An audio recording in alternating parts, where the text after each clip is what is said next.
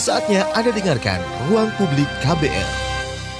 Selamat pagi, kita berjumpa kembali dalam ruang publik KBR dengan tema pagi hari ini peran orang muda merajut kembali perpecahan pasca pemilu bersama saya Don Brady. Saudara pemilu 2019 telah berakhir dengan berbagai catatan keberhasilan juga kekurangan. KPU juga sudah menyelesaikan rekapitulasi suara nasional dan mengumumkan hasilnya pada Selasa dini hari 21 Mei lalu. Pihak yang tidak menerima hasil rekapitulasi ini bisa mengajukan keberatan ke Mahkamah Konstitusi dalam waktu tiga kali 24 jam ke depan sejak hasil ditetapkan. Tapi sayang hasil ini ditanggapi beberapa pihak dengan aksi turun ke jalan yang berujung bentrok. Hal ini membuat banyak pihak prihatin termasuk sekelompok anak muda yang tergabung dalam Pemuda-Pemudi Lintas Iman dan Kepercayaan atau PPLIK. Mereka mengeluarkan seruan berjudul Merekat, Jangan Meretak, Jaga Lisan, Jaga Tulisan, Jaga Indonesia. Apa saja yang menjadi keprihatinan anak muda ini dan apa yang bisa dilakukan anak muda untuk merajut merajut kembali perpecahan yang sudah terjadi.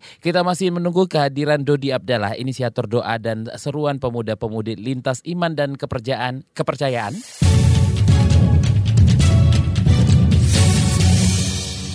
Anda masih mendengarkan Ruang Publik KBR bersama saya Don Brady dengan tema pagi hari ini peran orang muda merajut kembali perpecahan pasca pemilu. Kita masih menunggu kehadiran Dodi Abdallah, inisiator doa dan seruan pemuda-pemudi lintas iman dan kepercayaan. Sambil menunggu kehadiran Dodi Abdallah, kita akan uh, Alisa Wahid maksud saya Alisa Wahid, putri mantan Presiden Abdurrahman Wahid Gusdur memberi tanggapan terkait aksi penolakan hasil rekapitulasi pemilu yang berujung rusuh. Ia mengatakan mengeluarkan aspirasi harus dilindungi tapi mengingatkan supaya waspada akan resiko yang menyusul. Berikut kita simak perbincangannya dengan reporter KBR Mai Rahmadi. Yang pertama jelas kita uh, menghormati bahwa uh, menyatakan pendapat itu atau menyalurkan aspirasi itu adalah salah satu hak konstitusi. Jadi itu juga uh, harus di, dijaga dan dipelihara ya. dan dilindungi.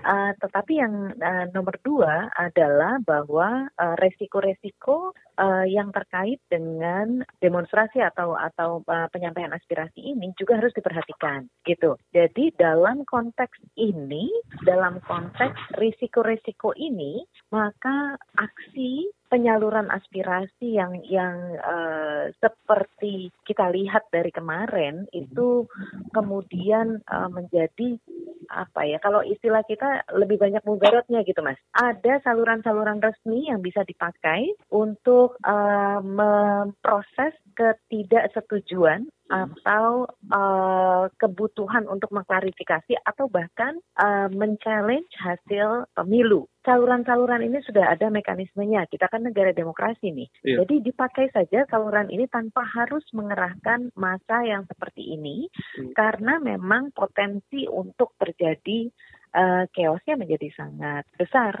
Uh, itu ya dalam apa namanya dalam konteks uh, boleh atau tidak gitu.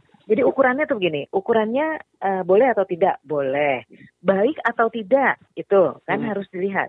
Baik atau tidak untuk dilakukan? Uh, baik uh, atau tidak baik karena resiko-resiko yang lain. Kemudian yang ketiga adalah uh, patut atau tidak dilakukan dan yang keempat bermanfaat atau tidak. Hmm ini jadi kita mengukur sesuatu itu tidak hanya soal boleh atau tidaknya gitu. Secara hukum boleh, tetapi kalau itu tidak membawa manfaat malah justru menambah kerusakan itu persoalan besar gitu. Itu tadi wawancara reporter KBR Mai Rahmadi dengan Alisa Wahid. Sementara itu pengurus besar Nadatul Ulama PBNU mengimbau masyarakat untuk menahan diri. Katib Am Nadatul Ulama Yahya Khalil Staguf mengatakan pada bulan Ramadan ini sebaiknya masyarakat fokus beribadah dan mencari berkah Ramadan. Simak wawancara reporter KBR Valda Kustarini dengan Gus Yahya berikut ini. Ya pertama ini Ramadan. Mari kita uh, me mencari berkah sebesar-besarnya dari Ramadan ini dengan mendekatkan diri kepada Allah. Yang kedua, tidak merusak ke khusyuan ibadah kita dengan kerusuhan-kerusuhan. Kita tidak tidak bisa menghalangi orang untuk misalnya berunjuk rasa, tapi uh, tentu harus mengikuti aturan sebagaimana yang sudah ditetapkan dan tidak membuat uh, kerusuhan. Nah, lebih dari itu, saya kira masyarakat dari akar rumput perlu mengembangkan inisiatif-inisiatif untuk rekonsiliasi, untuk meredakan uh, ketegangan dan untuk selanjutnya saya kira ya semua persoalan yang terkait dengan pilpres ini harus dikembalikan kepada hukum Oke, itu tadi wawancara reporter KBR Valda Kustarini dengan Yahya Khalil Staguf. Dan sudah hadir bersama saya Dodi Abdallah, inisiator doa dan seruan pemuda-pemudi lintas iman dan kepercayaan. Selamat pagi Mas Dodi. Ya, selamat pagi Mas. Apa kabar? Sehat. Sehat ya, oke. Nah, jadi um, pemuda-pemudi lintas iman dan kepercayaan ini mengeluarkan seruan berjudul Merekat, Jangan Meretak, Jaga Lisan, Jaga Tulisan, Jaga Indonesia. Apa saja seruannya ini? Seruannya sih ada empat poin di situ hmm. sih. Tapi kalau coba kita perkecil lagi itu ada di situ di temanya itu hmm. jaga lisan, jaga tulisan, jaga Indonesia. Yang ingin kita sampaikan adalah sebagai pemuda seharusnya kita itu turut serta mendamaikan atau kemudian mendinginkan ya, mengambil peran sebagai cooling system setelah pengumuman ini, uh, dari KPU itu keluar. Jadi uh, bagaimana caranya? Gampang aja coba di bulan Ramadan ini kita coba tahan diri kita dari mengatakan caci maki, mengeluarkan kata-kata caci maki, hmm. kemudian tahan tulisan, jangan sampai kita tulis-tulis statusnya macam-macam ya di Facebook baik yang pendukungnya mungkin yang dinyatakan menang, kemudian nanti mengeluarkan tahan tulisan-tulisan yang dapat memprovokasi yang dinyatakan kalah ataupun yang dinyatakan kalah tahanlah eh, provokasi-provokasi yang juga dapat membuat pendukung yang sebelah tersinggung. Jadi jaga lisan, jaga tulisan. Dari dua hal kecil ini kita sudah dapat menjaga Indonesia sebenarnya. Oke. Okay. Dan sejak seruan ini dikeluarkan sudah terjadi bentrok ya antara yeah. aparat uh, keamanan dan pengunjuk rasa yang memprotes hasil yeah. rekapitulasi di beberapa titik di Jakarta dan daerah lain seperti Pontianak. Tanggapan hmm. Anda ini Mas gimana? Kalau masalah bentrok sih kemarin juga sempat ada wartawan yang bertanya saya bilang bagaimana Mas? Apakah akan bentrok? Kalau bentrok sih saya bilang mungkin pasti sudah pasti akan terjadi. Cuman kita nggak tahu besar apa enggaknya. Nah kalau kemudian kita mengatakan menghindari atau meniadakan bentrok sama sekali mungkin gak bisa ya. Cuman bagaimana kita meredam jangan sampai itu terlalu besar gitu loh. Hmm. Kalau mau dibilang bagaimana tanggapan saya itu salah satu hal yang sudah pasti terjadi mungkin. Cuman bagaimana orang muda ini ayolah jangan ikut-ikutan malah memanasi gitu loh. Setidaknya kalau memang tidak tahu menahu tahan diri diam aja diam aja gitu loh gitu dia nggak perlu ikut ikutan memas manasi membela sana sini gitu loh. kecuali dia di lapangan atau kecuali dia membaca ataupun kalau memang mau mengeluarkan opini ya udah ngomong gitu ataupun bikin tulisan gitu loh hmm. tulisan yang betul-betul eh, bukan tulis status doang gitu loh gitu. Hmm. Jakarta ini kan selalu jadi sorotan di seluruh Indonesia. Mata selalu tertuju yeah. pada Jakarta, Dimas. Biasanya apa yang terjadi di Jakarta itu suka ditiru di daerah-daerah uh, di seluruh Indonesia, hmm. Dina. Menurut Anda sendiri apa yang harus dilakukan tokoh-tokoh daerah dan agama untuk menjaga kondisi di daerah agar tidak ikut terprovokasi seperti Jakarta? Kalau yang kita lihat ini sih sebenarnya ini juga menjadi tugas tokoh yang di daerah, tokoh agama, kemudian uh, tokoh-tokoh dari mungkin apa ya, tokoh masyarakat yang terlibat secara langsung itu juga penting gitu kan. Hmm. Terlibat secara langsung maksudnya ini di politik praktisnya ini gitu loh himbauan kalau yang uh, hanya bisa menghimbau tapi kalau memang mempunyai kekuatan instruksi instruksikan warga gitu kan instruksikan warga jangan uh, ikut-ikutan lah yang di Jakarta kalian kan nggak lihat yang sebenarnya juga gitu kan hmm. Hanya lihat di media jangan mau gitu loh. Plus ini negara hukum. Kalian sembarang bertindak kalau kena sama hukum gimana anak istri nanti gitu loh. Kalian salah bicara bisa dipenjara kok sekarang gitu kan. Hmm. jadi uh, untuk tokoh masyarakat sih sekiranya bisa peran aktif ya. Bisa peran aktif aktif menghimbau. Kalau yang punya kekuatan untuk menginstruksikan atau mengomandoi masyarakat keluarkan kekuatan-kekuatan itu juga gitu. Hmm, sejauh ini sudah dilakukan nggak sih mas hal seperti menurut pandangan Mas Dodi sendiri? Kalau dalam skala besar sih kayaknya belum aku belum lihat ya. Belum lihat bukan aku bilang belum secara yeah, ya belum lihat. Belum melihat. Belum lihat. Mungkin ya. ada gitu loh. Tapi mungkin kalau secara person uh, teman-teman orang muda juga itu secara person udah bilang gitu. Bahkan sih beberapa ada yang memang takut bahkan melarang anak atau apa nggak usah keluar apa segala macam. Gak usah ikut ikutan lah gitu. Untuk sekitaran Jabodetabek dan beberapa di daerah saya. Uh, saya kebetulan orang daerah juga itu orang tua saya beberapa kali nelpon gitu. Gimana hmm. di sana? Nggak apa-apa. Soalnya di sini katanya omongannya saya sudah bilang saya bilang jangan termakan provokasi yang di daerah. Saya bilang apa tenang saja di sini aman. Percaya sama TNI Polri gitu kan. Selalu seperti itu. Oke okay, baik. Kita break dulu sebentar ini Mas okay, Dadi. ruang publik akan kembali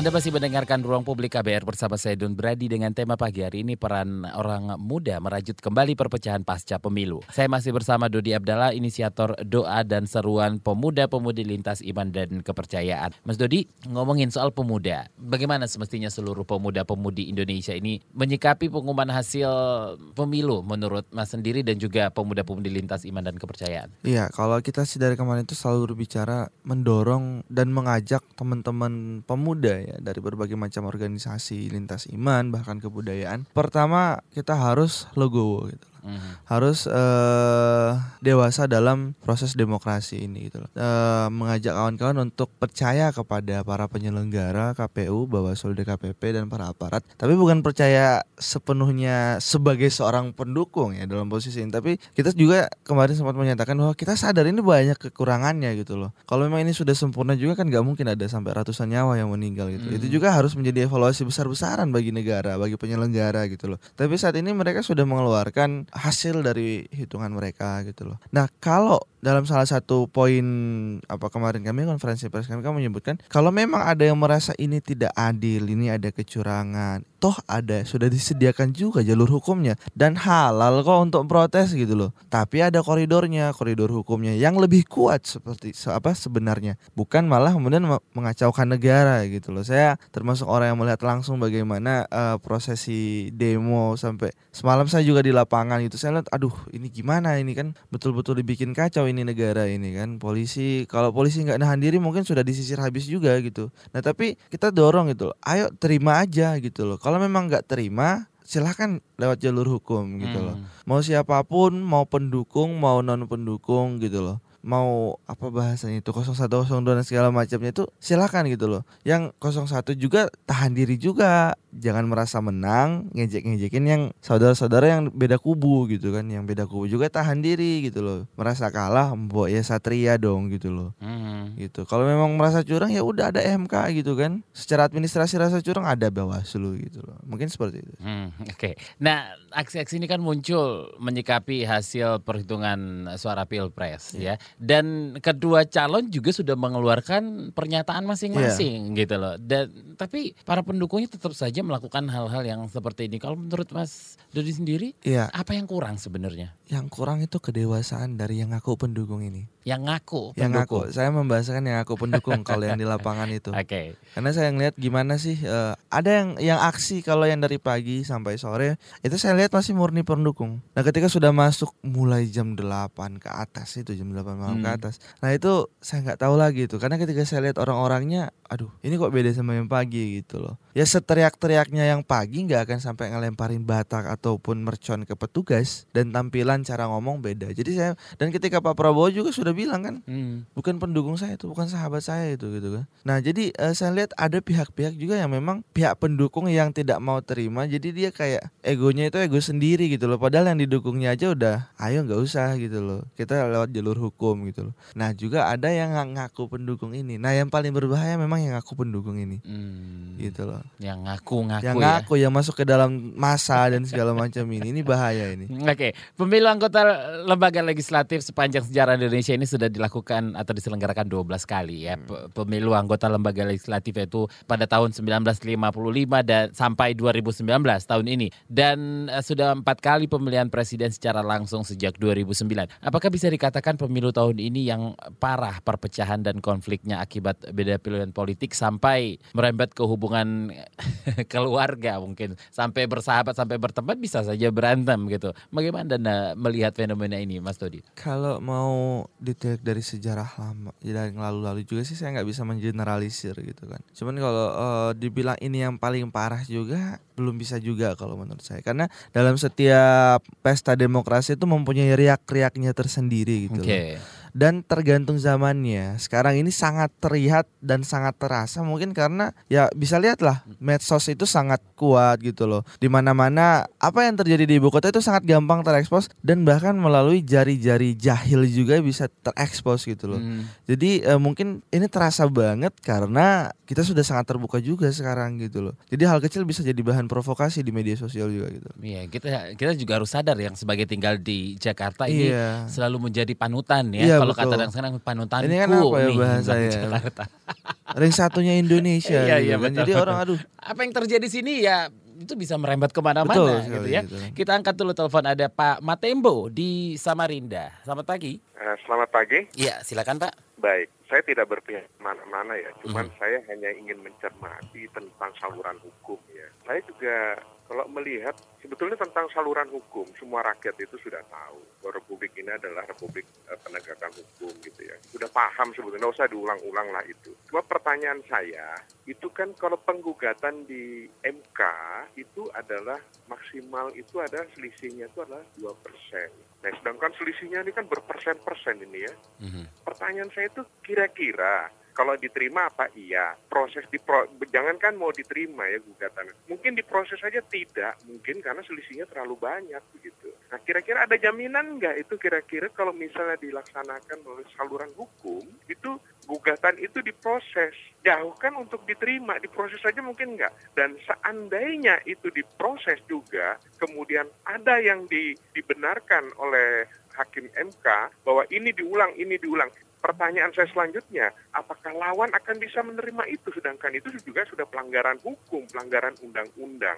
Nah, jadi ini hendaknya pendewasaan kita dalam pelaksanaan undang-undang dan hukum, kedua kubu ini kan tidak tinggal diam ketika yang menggugat ini gugatannya diterima, kemudian ini diulang, ini diulang, ini di- kira-kira kubu yang satu itu tidak menggugat enggak tentang gugatan ini lagi gitu loh. Itu Hmm. yang pertanyaan saya. Terima kasih. Terima kasih. Waalaikumsalam Pak Matembo di Samarinda. Oke, kalau Mas Dodi menanggapi. kalau berbicara masalah yang gugatan ini, ini gugatan itu itu bukan wilayah saya, itu Betul, wilayah orang betul. hukum, Iya.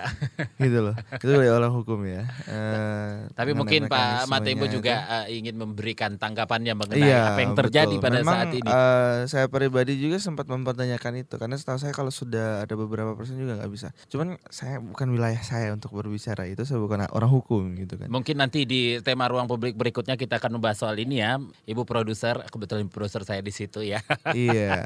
Terus Oke. kalau yang kedua, apakah akan menerima itu ya kembali Hmm. lagi ke orangnya gitu loh. Saya bukan orang yang ikut berkompetisi sebenarnya. Cuman kita selalu mendorong itu, ayo kedapatkan sifat satria gitu loh. Hmm. Sifat satria yang bisa dewasa menerima kekalahan. Menerima kekalahan justru itu akan lebih terhormat gitu loh. Selain satria, kita juga sering mendorong jangan sombong juga yang merasa menang, pendukungnya sih ini sebenarnya juga. Jangan ini ada sahabat kita, ada keluarga sebangsa kita yang sedang mungkin sedih ada apa yang dia dukung kalah gitu. Oke, ini kemarin itu sebelum pemungutan suara atau pemilu itu suara milenial Hmm. itu sangat diperebutkan sekali di Mas Hmm. Dodi. Apa karena memang jumlah pemilih anak muda itu sangat besar di tahun ini eh, sehingga terjadi? Mas Dodi juga tadi mengatakan setiap pemilu ada riak-riaknya Iya. tersendiri. Apakah ini ada pengaruhnya dengan riak pemilu di tahun 2019 ini karena pemilih milenial itu sangat banyak? Kalau bisa bilang berpengaruh sih lumayan berpengaruh ya. Hmm, oke. Cuman kalau eh, sampai ke riak-riaknya eh, sampai kalau sudah sa- sampai jadi kayak gini juga kalau dilihat dari tipikal milenial juga milenial pasti akan aduh Bukan ini- seperti ini bukan juga, seperti ini ya. gitu yang mereka inginkan Uh, uh, gitu uh, uh. loh. Karena tipikal milenial kita yang tahun ini juga bukan seperti ini ya. Iya, Kalau bahkan ada uh. satu kelompok yang sangat nggak bisa sangat besar sih. Coba lumayan besar berkampanye di media sosial yaitu gerakan ketiga itu golput itu lumayan didominasi milenial juga sebenarnya karena Hmm. mereka kecewa. Jadi kalau bilang ini riak karena milenial nggak juga sih gitu. Hmm. Ada mungkin oknum-oknum milenial yang di sana. Cuman kalau secara umum kalau kita kembali kepada tipikal milenial Indonesia ini bukan seperti tidak bisa merepresentasikan gitu. Tidak bisa merepresentasikan ya. Oke, mungkin kita akan angkat telepon dulu siapa? Ya. Oke, ada Bapak Ali di Manado. Selamat pagi Pak Ali. Ya selamat pagi dengan Mas Don ini ya. Iya betul Mas Ali. Pak Ali silakan. Dengan Bapak dengan anak muda sama Pak Dodi. Dodi. Dodi ya. Iya, iya. Jadi gini ya, Mas Dodi, saya cuma sekedar bertanya saja. Pertama, kalau mengenai seruan damai segala macam, damai itu kalau bagi saya kita pertanyakan jika ada keadilan dan kejujuran. Kita bukan cuma damai tapi akan bersatu dan kesatuan. Akan tenang dan tidak akan ada rasa-rasa was-was lusuh. Selama oknum penguasa tidak jujur dan tidak adil, mohon maaf, ini akan terus berlanjut terus menerus. Dan jadi jangan diajak untuk memanipulasi keadaan, merkooptasi keadaan itu tidak bagus. Kita harus jujur dan adil dalam segala hal. Karena kehilangan emas, kehilangan kecil, kehilangan sahabat dan saudara kehilangan besar. Tapi kalau kita kehilangan kejujuran dan keadilan, kita bukan cuma akan kehilangan kepercayaan, tapi kita Baik. akan kehilangan segala-galanya. Termasuk Anda akan kehilangan segala-galanya. Baik. Itu saja terima kasih. Selamat pagi. Selamat pagi Pak Ali di Manado. Nanti kita akan tanggapi Pak Ali di Manado. Kita harus break. Jangan ke mana-mana. Ruang publik akan kembali. Anda masih mendengarkan Ruang Publik KBR bersama saya Don Brady dengan tema pagi hari ini peran orang muda merajut kembali perpecahan pasca pemilu. Saya masih bersama Dodi Abdallah, inisiator doa dan seruan pemuda pemudi lintas iman dan kepercayaan. Sebelum break tadi kita sudah ada penelpon dari Pak Ali di Manado. Tanggapannya nih Mas Dodi. Ya kalau mengenai keseruan damai, damai itu jika ada keadilan dan kejujuran. Kalau tidak ada kita akan kehilangan semuanya. Silakan. Oke ya, salam selamat pagi Pak Ali, salam kawan Nuwa kita lihat orang Manado di sini. Iya. Oke Pak Ali, jadi eh, gimana kalau ada ada yang curang nggak bisa damai gitu loh? Bisa gitu loh. Kalau saya menurut saya ini bukan kita nggak lagi perang gitu loh. Ini Eh. adalah pesta gitu. loh. Eh, kalau memang merasa kecurangan itu ada, saya nggak bilang kecurangan itu nggak ada. kok. Kita di sini nggak menafikan Hmm. gitu kan. Bahkan dalam salah satu evaluasi eh, dalam salah satu poin konvers kita kemarin kita mendorong evaluasi besar-besaran. Ini Hmm. banyak nyawa yang meninggal, kemudian eh, mungkin beberapa isu ada C1 yang apalah segala macam, salah input dan segala macam. Ya itu salah satu mungkin yang bahkan KPU juga mengakui itu adalah human error dan segala macamnya. Itu menjadi evaluasi bagi pihak-pihak yang merasa ada kecurangan. Ayo elegan gitu. Yuk pertahankan sifat satria. Kita lalui jalur hukum itu adalah sifat yang elegan, itu adalah sifat satria. Toh yang eh, kalau mengaku pendukung Pak Prabowo, Pak Prabowo juga bilang jangan rusuh gitu loh. Komando ini udah satu kalian dengar komando siapa kalau masih tetap rusuh dong. Jadi bingung kan? Hmm. Nah gitu loh. Maka ketika dia rusuh jangan salah salahkan kemudian aparat juga kalau aparat ber- bertindak gitu loh. Jadi ayo dam- damai itu bisa tercipta walaupun katanya ada kecurangan. Menyelesaikan kecurangan dengan cara elegan adalah cara yang lebih baik daripada harus mengamuk gitu loh. Oke, ada Pak Herman di Sintang. Selamat pagi Pak Herman, silakan. Selamat pagi. Iya. Selamat pagi Pak narasumber. Iya. Ya, apa yang dibilangkan Bapak narasumber itu benar ya. Kecurangan itu memang ada, cuma harus dilakukan dengan mekanisme hukumnya ada. Misalnya kalau di dari pihak 02 ingin mengajukan gugatan itu harus ada proses hukumnya itu kan bisa ke MK. Jadi saya harap kepada masyarakat yang melakukan perusuh-perusuh itu harap menjaga diri dan tidak turun-turun ke lapangan, ke jalan-jalan gitu ya. Saya harap kepada bagian dari 02 itu bagi politik-politik yang bergabung di 02 itu harus juga menenangkan masyarakat pendukungnya juga. Hmm, Harus turun ke lapangan kayak Prabowo jangan hanya menyampaikan hal yang harus menjaga diri itu lewat media aja harus turun menurut saya. Yang perlu saya katakan saya tidak mendukung 02, 01 yang ada kita harus mendukung 03 itu Persatuan Indonesia. Iya betul. Terima kasih. Terima kasih Pak Herman di Sintang. Oke. Saya tadi sempat menanyakan ini di awal ke Iya. Mas Dodi. Kedua pasangan calon ini sudah mengeluarkan Iya. instruksi ataupun pernyataan Iya. untuk oke stay cool, jangan ada Ah, ah. kerusuhan apa. Tapi ternyata gitu loh. Iya, tapi saya setuju sekali dengan penelpon yang sebelumnya. Udah jangan 0102 lagi, 03 Persatuan Indonesia gitu kan. Nah makanya saya, ah ini yang saya eh, semalam saya di lapangan Hmm.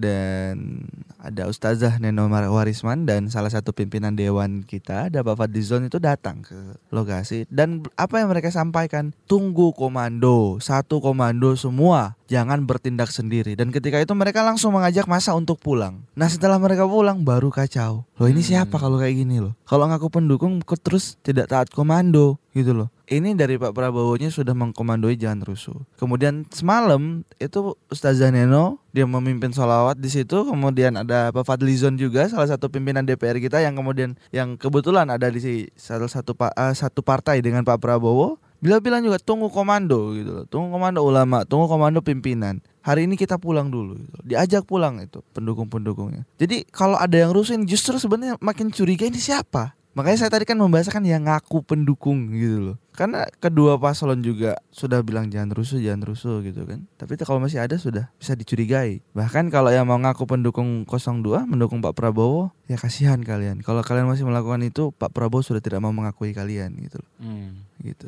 Alright. Ada Ibu Magda di Jakarta. Sama terputus, mungkin Bu Magda bisa menelpon lagi dan em, kita bacain dulu WhatsApp yang sudah siap. masuk, Mas Dodi. Ada Maya di Manado. Saya mendukung agar gerakan, gerakan lintas agama dan kepercayaan ini menyuarakan perdamaian, tapi jangan sampai disus- disusupi atau membawa agenda lain. Ya, kita punya agenda sebenarnya. Hmm. Agenda ya seperti yang bilang tadi, 03 Persatuan Indonesia. Itu agenda utama kita. Tidak ada ag- agenda lain ya Mas Dodi. ya? Iya. Oke, sudah tersambung Bu Magda di Jakarta. Oke, Bu Magda, selamat pagi, silakan. Iya, selamat pagi. Mhm. Iya, saya rasa dalam pesta demokrasi itu menang kalah ada hal yang normal sih ya, karena sama-sama dipilih oleh rakyat, cuma yang mana yang lebih banyak dipilih oleh rakyat ya kan. Jadi kita hargailah pilihan rakyat kebanyakan. Situlah kita butuh kedewasaan dalam berdemokrasi ya kan gitu. Yang yang normal itu kalau misalkan kita menang kita menjadi sombong, kita kalah kita nyalakan ini itu ini itu jadi ribut ya kan gitu. Ah, jadi ya di sini ya saya lihat di kalau misalkan ada saya lihat untuk pilpres 12 2019 ini memang ada kekeliruan gitu kan, memang ada gitu kan, tapi itu kan terjadi di kedua belah pihak ya kan. Tapi kalau misalkan memang ada kecurangan ditentukan TSM, itu buktikan. Kalau nggak dibuktikan berarti narasi yang, di- yang, yang dibangun itu yang TSM ya kan. Karena bagi saya KPU kali ini saya apresiasi juga karena bekerja sudah sangat transparan gitu. Kalau sudah sangat transparan seperti ini sampai kesalahan input diketahui dan sebagainya, kalau sudah sangat transparan mana mungkin bisa terjadi kecurangan secara TSM logikanya gitu bagi saya gitu kan gitu. Jadi ya di pilpres kali ini saya melihat juga uh, pertempurannya bukan hanya antara Pak Jokowi sama Pak Prabowo, tapi juga ada pihak ketiga yang ingin memaksa kehendaknya untuk tujuan politik tertentu bagi mereka, untuk mereka gitu kan. Jadi di sini harus kita waspadai. Jadi saya sangat mendukung program untuk lintas agama, saya sangat mendukung karena kita harus menyelamatkan negeri ini gitu. Oke, gitu Oke. aja. Terima kasih, selamat pagi. Selamat pagi Ibu Magda di Jakarta. Salah satu dukungan untuk teman-teman dari ini apa doa dan seruan pemuda-pemudi lintas iman dan kepercayaan Mas Dodi gimana tanggapan? Ya, terima kasih Bu Bagda. Eh, itulah salah satu yang ingin kami sampaikan juga eh, kepada publik untuk terus eh, menahan diri dan terus menempuh jalur hukum jika memang merasa ada yang salah dengan prosesi pemilu ini. Ya, terima kasih Bu Magda atas Oke. dukungannya. Sambil eh, ini ada WhatsApp lagi Dewi di Padang. Gerakan ini apakah hanya ada di Jakarta? Apakah apakah pribadi tanpa organisasi bisa ikut bergabung? Bisa saja sebenarnya. Kalau jadi kita di kemarin itu eh, ada 12 organisasi, kemudian ada individu-individu juga. Jadi eh, kita enggak eksklusif kok sebenarnya. Justru kalau ada yang bergabung itu hayo gitu. Cuman kalau untuk di daerah eh silahkan yang siapa yang WA itu? Bu Dewi di Padang. Bu Dewi di Padang. Eh, kita menginisiasi ini eh, orang-orang muda. Kalau Bu Dewi ingin menginisiasi juga di Padang itu akan sangat luar biasa. Agar supaya di setiap titik di NKRI ini ada seruan-seruan sejenis ini gitu loh. Hmm, Oke, nanti mungkin di segmen keempat kita akan ngebahas eh, lebih lanjut lagi soal apa namanya pemuda-pemudi lintas iman dan kepercayaan ini ya Iya, doa dan seruan. Tapi kita angkat dulu telepon eh, sebelum kita break Pak Jali di Pekanbaru. Oke, silakan. Selamat pagi Pak Jali. Ya, selamat pagi Mas Don Iya, silakan. dan narasumber. Iya, eh, saya ingin memberikan sedikit komentar saja soal situasi eh, yang hari ini terjadi ya. Ada dua sih sebetulnya, singkat saja. Mhm. Yang pertama problem kita kan menurut saya ada ada di persoalan kepemiluannya. Nah, yang menjadi masalah kan selama ini adalah kecurangan-kecurangan ataupun manipulasi-manipulasi yang terjadi di level tapak atau di level akar rumput gitu. Nah, eh, ke depan pelajaran bagi penyelenggaraan pemilu kita adalah bagaimana yang direkapitulasi itu tidak hanya suara, tapi masalah itu juga direkapitulasi. Hmm. Nah, sehingga ada proses kepastian hukum di situ. Nah, persoalan kedua terkait dengan tema kita, terkait dengan peran pemuda. Nah, Undang-Undang 40 2009 pasal 16 sampai dengan pasal 29 sebetulnya sudah tegas menyebut tentang eh, peran pemuda, social control, moral force dan partisipasi dalam pembangunan. Nah, tapi kan tidak kelihatan. Mengapa tidak kelihatan? Karena tidak ada proses pendidikan politik yang yang berwujud untuk anak muda ini menjadi apa gitu. Nah, jadi ke depan dua itu yang jadi PR. Satu pendidikan politik, yang kedua adalah perbaikan, melibatkan pemuda dalam pengawasan partisipasi di level pemilu. Saya pikir itu Mas Don. Baik, terima kasih Pak Jali di Pekanbaru. Selamat pagi. Kita harus break dulu Mas Dodi. Jangan ke mana-mana, ruang publik akan kembali. Kita sudah di segmen terakhir Ruang Publik KBR bersama saya Don Brady dengan tema pagi hari ini peran orang muda merajut kembali perpecahan pasca pemilu. Saya masih bersama Dodi Abdallah, inisiator doa dan seruan pemuda-pemudi lintas iman dan kepercayaan. Sebelum uh, kita di break ada telepon dari Pak Jali di Pekanbaru yang bilang ya masalah kita ini ada di pemilunya sendiri yaitu kecurangan dan manipulasi di akar rumput. Ke depan pelajaran yang didapat adalah yang harus direkapitulasi tidak hanya suara tapi juga masalah. Yang kedua adalah adalah peran pemuda. Pendidikan politik sangat perlu. Gimana nih? Saya 100% setuju dengan Pak Jali ini hmm. bahwa uh, rekapitulasi itu jangan suara saja tapi juga harus dengan masalah dan itu juga yang kita dorong ke pihak penyelenggara. Ayo, sudah kalian sudah ngaku terbuka, KPU sudah ngaku terbuka tentang penghitungan. Yuk kita sama-sama juga terbuka dalam menyelesaikan masalah-masalah yang dituduhkan kepada KPU. Jika memang itu benar bersalah, ayo kita bahas sama-sama dan bangun kembali. Dan saya rasa juga beberapa komisioner KPU juga uh, setuju dengan hal itu gitu loh. Hmm, Oke, okay. pendidikan politiknya sendiri. Pendidikan politik saya sangat setuju sih sebenarnya dan salah satu orang yang bergerak yang ingin mendorong itu bahkan semenjak pelajar saya pernah uh, secara kecil sih skalanya itu uh, mengadakan pendidikan politik untuk pelajar gitu loh politik dalam hal ini politik kebangsaan ya pertama aku nggak tahu sih kalau dulu waktu aku SD SMP itu materi materi-materi mengenai politik kenegaraan itu ada, cuman nggak tahu sekarang gitu. Setidaknya uh, ketika mereka sampai kepada usia untuk masuk ikut berpartisipasi dalam politik praktis, yaitu dengan mencoblos, ataupun yang baru saja mau masuk, itu mereka bisa memposisikan diri. Hmm bisa tahu bahwa ini bukan perang seperti yang digadang-gadangkan. Kita pesta Biasa ya ini, ini ya. lagi pesta, Bro. gitu Oke, okay. ada Ano, Ibu Ano di Manado. Selamat pagi, Ibu Ano. Iya, selamat pagi. Iya, silakan, Bu Ano. Uh, Iya, saya ingin menanggapi aja itu yang masalah people power ya. Uh-huh.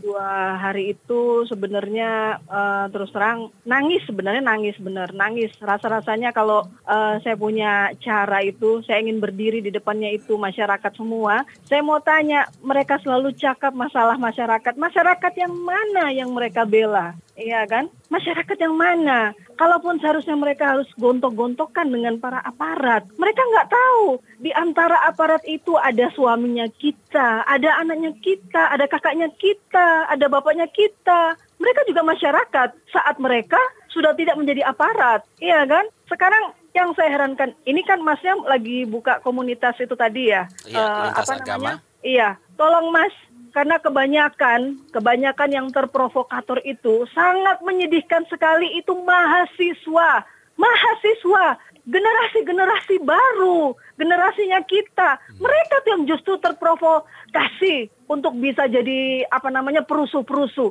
jadi di mana itu fakultas-fakultas universitas apa yang mereka ajarkan kalau seandainya mereka mereka tuh justru jadi provokator, iya kan? Baik. Ya. Dan juga saya mau katakan lagi ya Mas ya, mudah-mudahan ini perusuh-perusuhnya dengar, juga yang lain-lainnya. Juga tadi ada salah satu, Pak jangan cakap masalah masalah politik, masalah apa. Jangan kasihan, jangan, jangan bicara masalah politik. Justru kita sebetulnya itu harus sama-sama berdoa. Siapa pun yang menjadi pemimpinnya tidak dengan semudah membalikan telapak tangan Baik. Indonesia langsung jadi berhasil. Baik. Itu saja. Terima kasih. Terima kasih Ibu Anu di Manado. Well.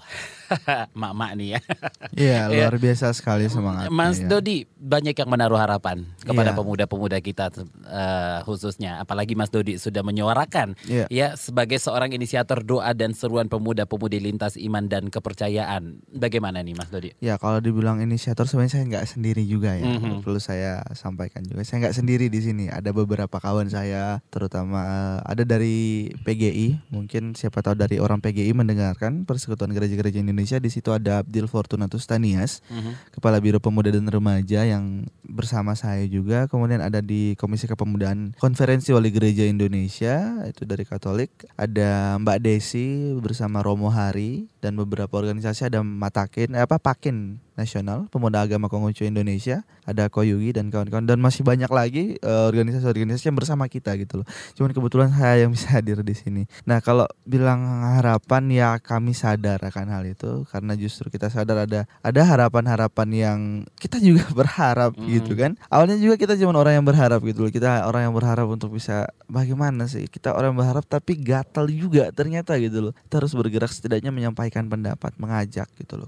Eh, Setelah mengajak kita kembali ke rumah kita, ke organisasi kita, kita tahan umat kita masing-masing. Gitu kan. Saya kemarin eh, PGI dengan membawahi berapa banyak gereja dan umat juga mereka sudah mengatakan kepada umatnya, saya dengar kemarin dari Bang Abdul juga mengatakan untuk menahan diri gitu loh. Hmm. Jangan ikut-ikut terprovokasi. Seluruh eh, organisasi yang ada di bersama kita kemarin itu eh, setidaknya langkah paling kecil adalah berbicara, pernyataan menyatakan sikap dan kemudian menahan orang-orangnya. Itu Oke. adalah langkah paling kecil gitu. Kita nggak nyuruh malah kalian turun sana lawan itu. Nggak, jangan. Mereka juga itu adalah anak bangsa yang sedang eh, ada di jalanan itu. Tapi ya termasuk keresahan dari seorang ibu Ano di mana ada juga tadi melihat malah yang sering terprovokasi itu adalah pemuda itu sendiri. Iya betul sekali. Kalau dibilang terprovokasi pemuda itu sendiri, betul.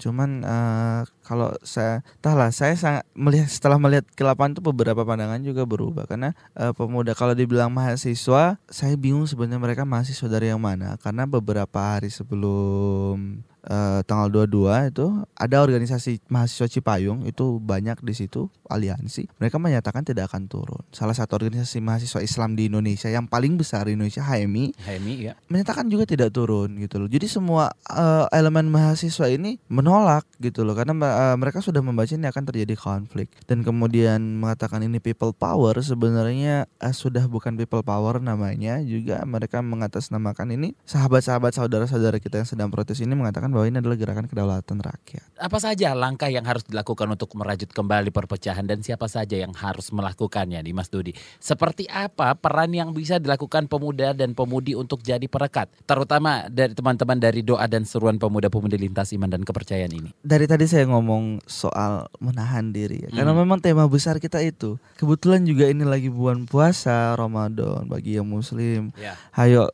kita tahan diri kita bukan dari lapar dan haus saja tapi Betul. Juga emosi. Kita tahan jari jemari kita dari men-share berita-berita yang sekiranya dapat memprovokasi ataupun eh, menulis hal-hal yang dapat eh, merugikan diri sendiri gitu loh. Langkah paling utama itu adalah menahan diri. Mungkin terdengar simpel tapi itulah yang paling susah sekarang ini. Karena kalau sebenarnya pun orang-orang di jalan itu bisa menahan diri, toh dia nggak akan sampai seperti itu juga. Saya nggak pernah bilang kata mereka tuh inkonstitusional tuh yang turun aksi itu. Oh enggak juga gitu. Silahkan gitu loh. Kalau kata apa tuh anak-anak pondok pesantren fayatafaddal mashkuro gitu kan. Silahkan ini hak kalian gitu loh. Memang ada jalur hukum ya selain menjalur jalur hukum kalian mau protes silahkan protes. Tapi toh ada koridornya gitu loh. Terus gimana nih? Ya kalau saya pesan saya itu selalu saya katakan adalah yang menang janganlah jumawa, yang kalah pertahankan sifat satria. Baik, sebenarnya masih banyak banget yang harus kita tanyakan, tapi Iya. waktu kita juga harus sampai di sini dan juga telepon dan WhatsApp ini masih banyak lagi yang belum saya angkat dan saya bacakan. Nanti lain waktu saya Siap. eh, kita undang lagi dan Siap, kita berharap teman-teman dari doa dan suruhan pemuda-pemudi ini lengkap Iya. semuanya, ya. Kalau lengkap banyak banget. ya tiga lah minimal ya. Oke. iya. Terima kasih Mas Dodi Abdallah, inisiator doa dan seruan pemuda-pemudi lintas iman dan kepercayaan. Saya Don Brady pamit, salam. Baru saja Anda dengarkan Ruang Publik KBR.